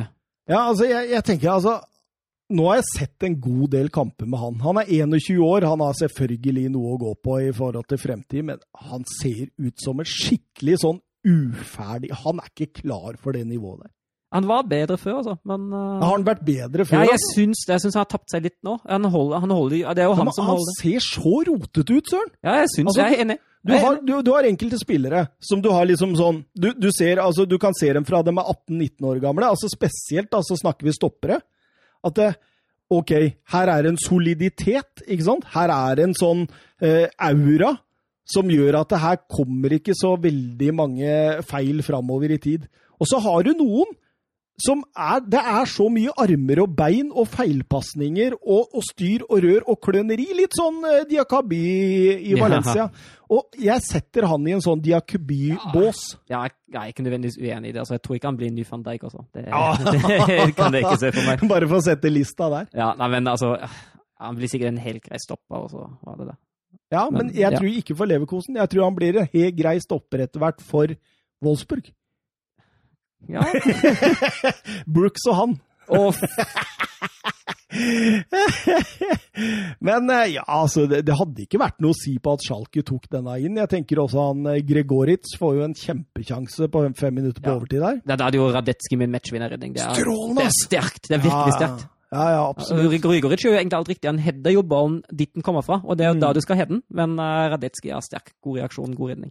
Absolutt, absolutt. Og da, da blir det 1-1, og da Altså, Leverkosen eh, forbi Borussia München-Gladbach om den viktige fjerdeplassen. Og nå, Søren, nå skal du gjøre et lite sånn Nå skal du ta en liten eh, kikk inn i kula for framtida. Ja. Så sier jeg deg at, at Leverkosen har Köln hjemme, Hertha borte og Mainz hjemme.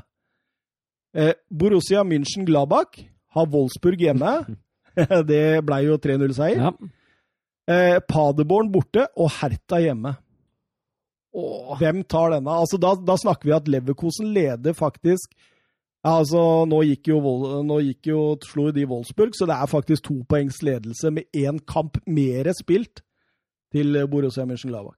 Jeg tror det som blir avgjørende, det tror jeg blir Hertha-kampen. Jeg tror Leverkosen slår både Köln og Mainz.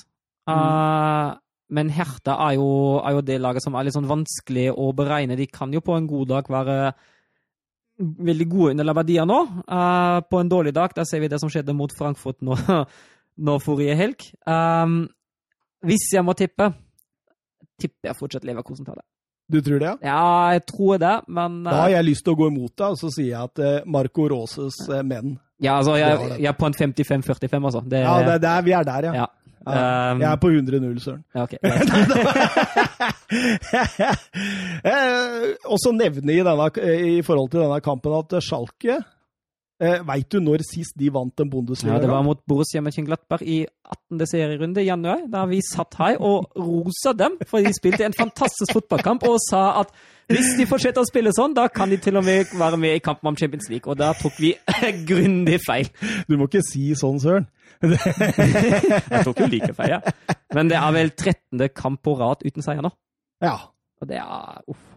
Og fortsatt så ser jeg at eh, Bayern München eh, leder, så dette går mot Ja, det blir jo avgjørelse nå. Så da, da, da drister vi oss til eh, Bayern første, og Ja. så blir det Dortmund andre. Ja. RB Leipzig tredje. Ja. Og så blir det en av de to vi snakka om som fjerde. Yep. Wolfsburg sjette. Hvis de slår Schalke på lørdag, ja, det tror jeg da. Ja. Mm. Det er nydelig, nydelig. Vi- Altså, altså er det jo en liten fordel å møte Bayern når de allerede har vunnet og skal spille en cupfinale. Det kan jo få tenkes at de kanskje ikke er sånn supergira på Nei. å gi alt i juligheter som vi håper på. Nei, da blir det jo sånn ølfeiring og sånt ute på banen der, da, vet du. Da eh, Søren, vi eh, hopper over til litt rykter, vi. Ja, Eh, kjør på. vi må jo snakke litt om det. Ja.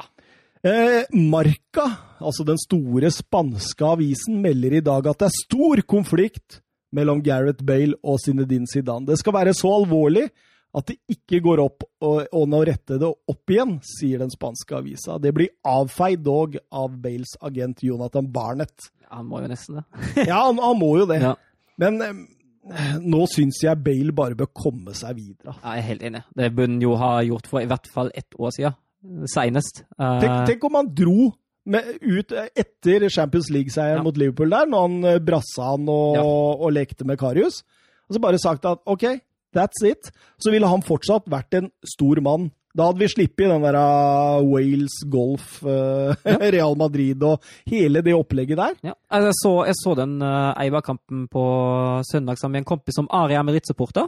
Uh, og han var jo egentlig fornøyd, men mot slutten hver gang Bale var i nærheten av Bayern, da skrek han til TV-en at Bale var så elendig. Og jeg, jeg skjønner jo hva han mener. Han var jo svak mot Eiba igjen. Og det som er jo problemet da, viser jo ikke noe tegn til vilje engang. Det, altså, det er litt sånn, altså, hvis, han, hvis han hadde prøvd og prøvd, og det ikke hadde helt fungert, da er sånn ja, OK, greit, men han prøver jo ikke. Og så veit man jo egentlig hva som bor i ham, og man veit jo hvor toppnivået hans er. Vi så jo han alle i Tottenham, Ja. og, og de, kanskje de første par sesongene i Real Madrid var jo strålende.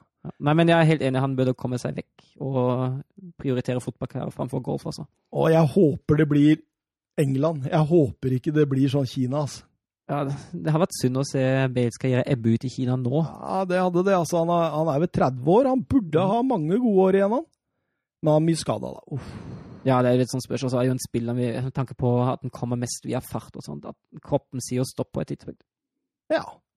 France Football eh, de melder at Manchester United har tatt kontakt med William, som eh, nå er mulig å få gratis. Brasilianerens kontrakt går jo ut i juni. Ja. ja men, vi var jo litt inne på det. Manchester United ser ut til å ta kontakt med alt. Um, Snart er det Brooks og partysvenskene. partysvensken. vær så god. Bare forsyn dere. er Helt greit. Um, altså, det ser ut som at de i hvert fall er på jakt etter en vinger, uh, med tanke på ryktene rundt Sancho, uh, som også oppstår. Uh, Ja, og Bailey ja. var det nå. Ja, så det kan, jeg ser ikke bort ifra at William absolutt kan stå på lista til United. Om han er en så stor forsterkning for United, det Vi går jo inn i en tid der det ikke er så lett å forhandle, tenker jeg, med Ja. klubber og sånt. Og at, at man kan se på William som en sånn quick fix for Ja. en sesong. Eh, Til dette blir normalisert igjen. Det er ikke umulig, det. William har sikkert et par gode år igjen, han. Ja, og han er jo, han er jo ikke en dårlig spiller på ingen måte. Absolutt ikke.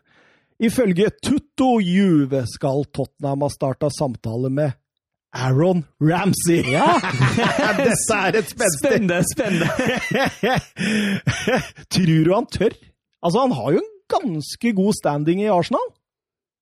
Det er vanskelig å si. Jeg kjenner jo ikke til spillene, men det, det, høres jo, det høres nesten ut som, som, eh, som hvis Bale skulle ha bestemt seg for å gå til Arsenal. Uh, ja, det, det er altså, altså, det jo spørs, altså, italienske kilder er jeg gjerne litt forsiktig med. De, uh, da, Det er mye som blir agentplanta òg. Ja, det, det, må det. vi Det huske på. Altså. Um, nei, altså Jeg tror det er heller, heller usannsynlig enn sannsynlig, altså.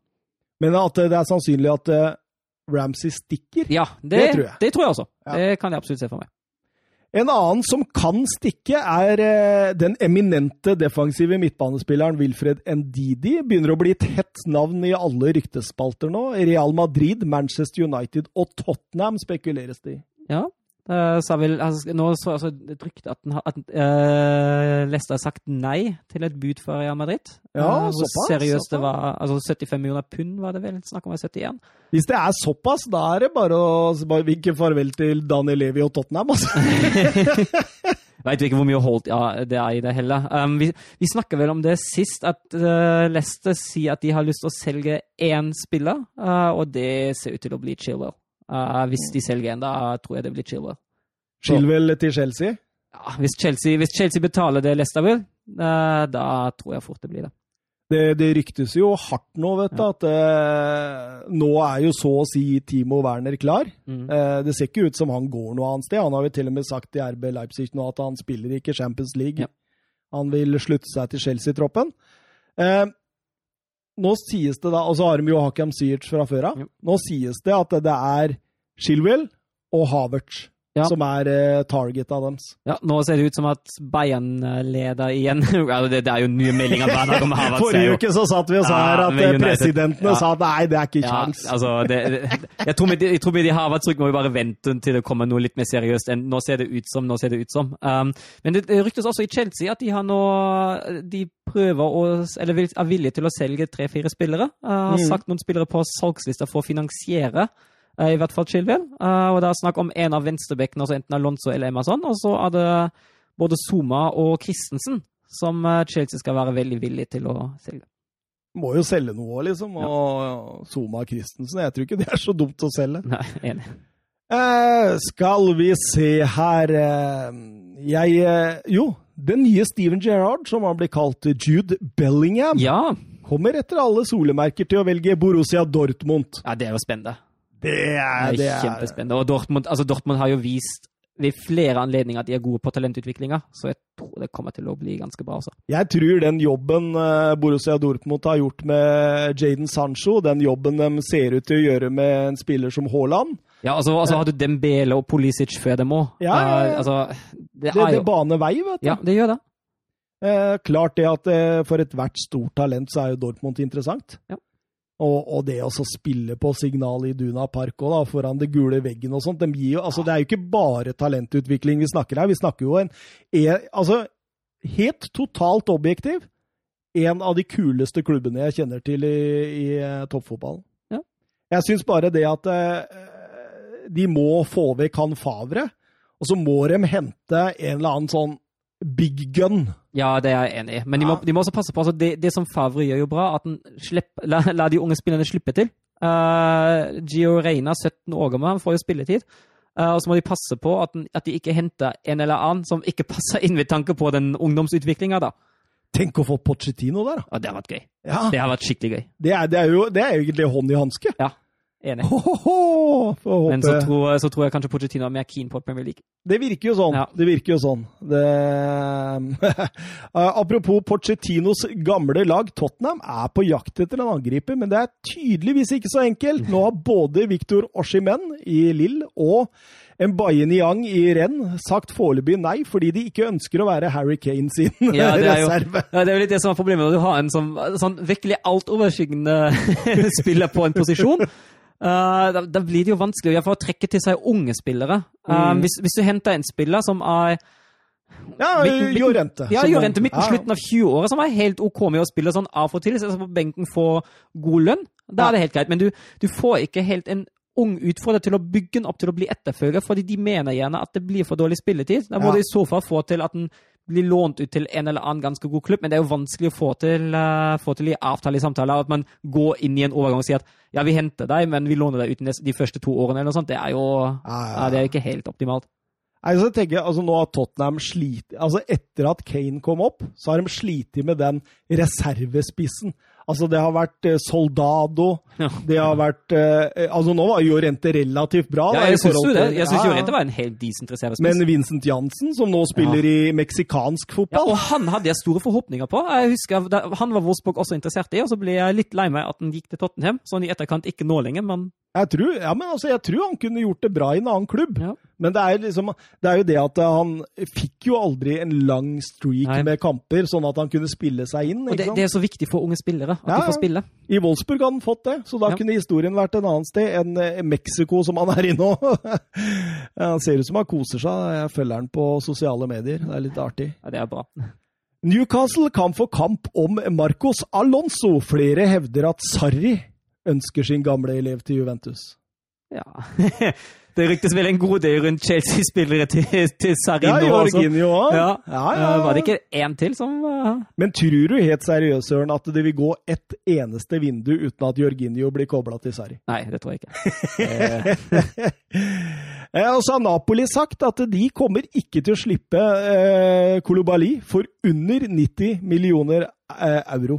Eier eh, Aurelio Di Laurentis han gir en advarsel til City, United og PSG.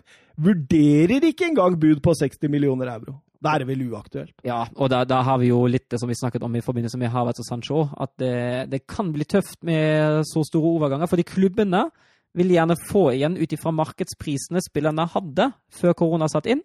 Nå kommer koronasituasjonen, klubbene er villige til å betale mindre og mindre, men de spillere som ikke sitter på utkjøpsklausul, som det er Verna, som går for en forholdsvis billig penger, um, da bestemmer klubbene fritt, og de er jo selvfølgelig ikke villige til å, til å selge sine store talenter, sine beste spillere, for eh, lite Nei. penger. Det, og det skjønner jeg jo veldig godt.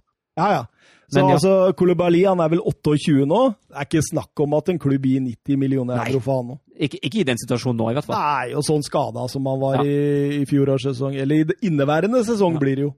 Altså, ja. Eh, Calcio Mercato hevder at Real Madrid slipper Luka Jovic for mellom 45 og 50 millioner euro. AC Milan skal ha meldt sin interesse, men de må selge noen spillere før de kan kjøpe en i den prisklassen. ja, det er jo mye penger for en spiss som ikke har prestert noe særlig bra i et år på øverste nivå nå. Men samtidig så er det sånn Altså, du kjenner han jo fra Frankfurt. Der var han jo strålende. Ja, det var han absolutt. Eh, Hvem er han? Det var, var det sånn triangel i Frankfurt der? Ja, det var, det var Jovic, og så var det Rebic, som nå spiller i AC Milan. Og så hadde du jo, hadde jo den andre spissen Aller, som har gått Ja, til West Ham. Aller, ja. Aller, ja. Så de har, de har jo solgt unna sin fremste angrepsrekke. Det er jo bare Kostic igjen. Kostic igjen, stakkars, som sitter der igjen. Men eh, Jovic, jeg tenker jo at eh, Hadde ikke det vært perfekt for Tottenham?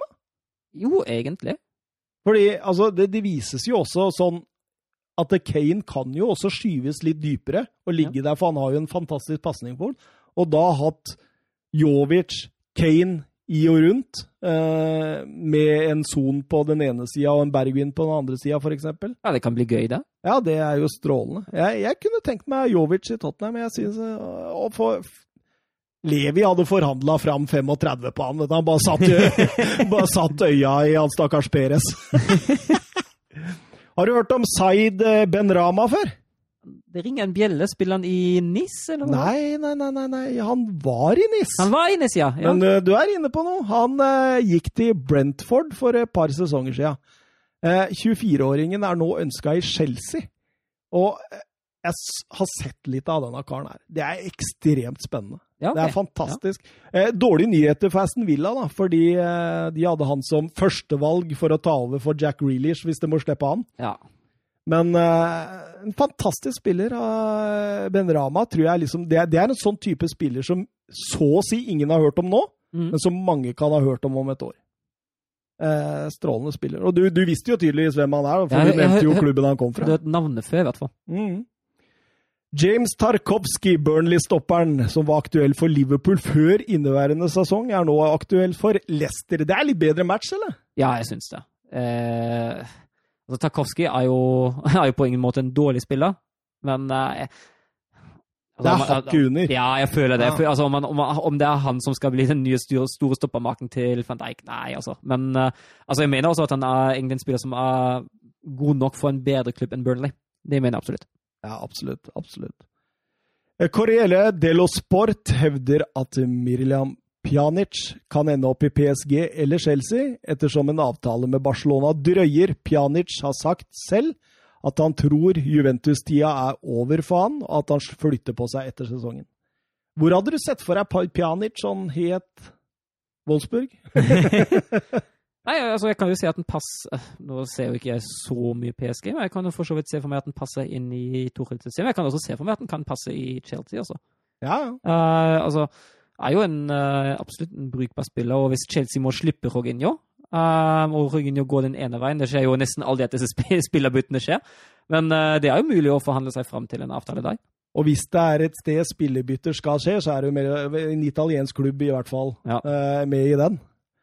Der eh, foregår det jo mye. Eh, Calcio Mercato hevder at Real Madrid ønsker å hente Mattis Delict fra Juventus eh, Romaro.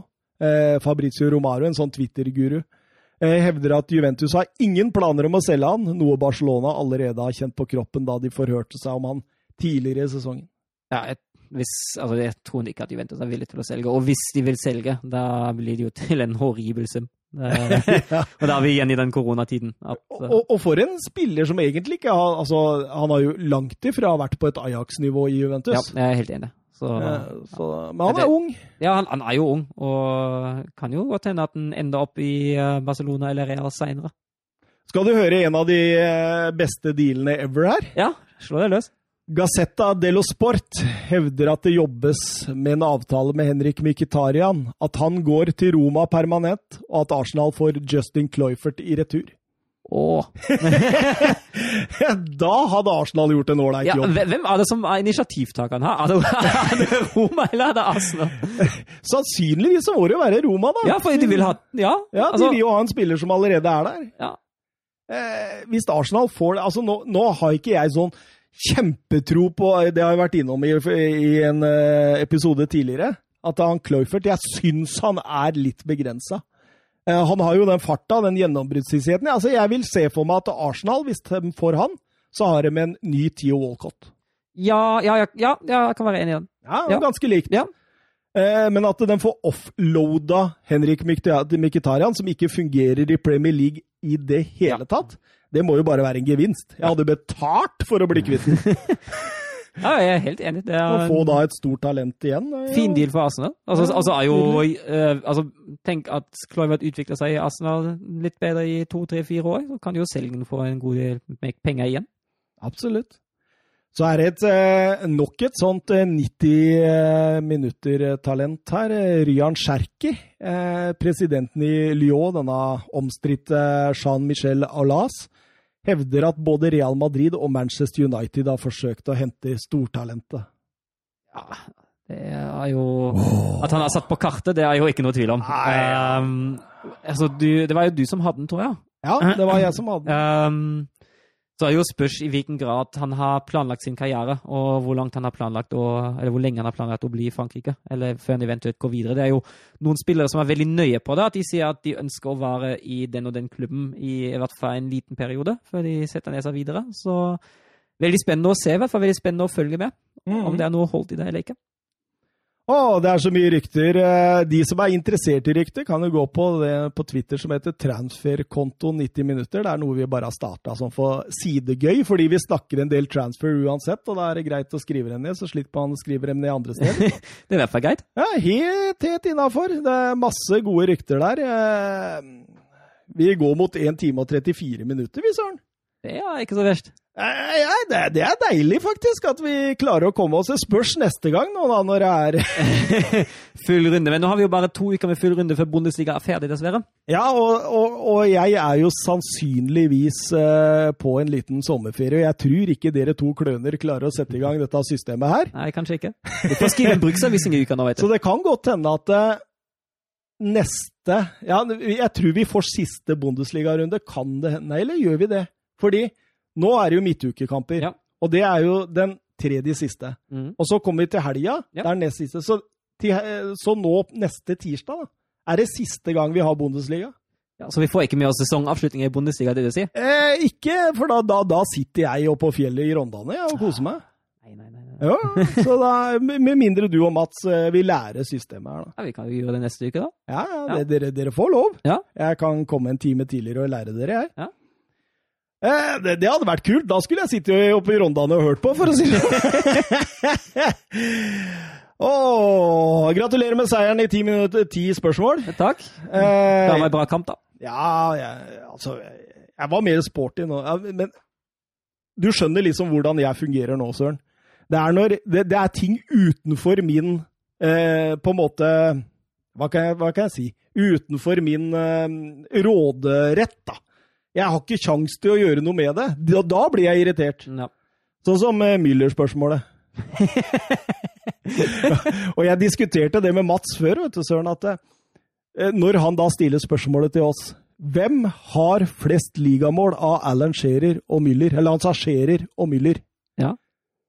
Så sitter jo jeg og så sier jeg Hm, ja Han har jo mye assist, da. ja, jeg husker du sa det. Jeg husker det. Nei, det må være Scherer. Han sier feil. Søren. Ja, det er Müller. Men da svarer jo du egentlig Thomas Müller, du. Sier jeg det? Nei, du sier det ikke, men det er jo det du Ja. mener. ja, selvfølgelig, for du er jo enig på Thomas Müller. Så sitter han kløna der etterpå og sier at det var Gert Müller.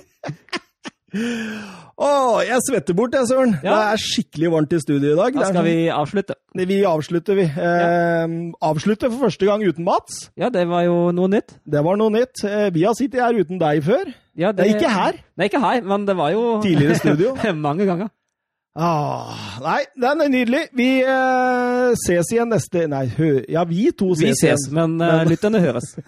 Lytterne høres neste tirsdag. Det var hyggelig å ha med dere. Og fortsett å eh, engasjere dere på eh, Twitter og Facebook og alt som verre er.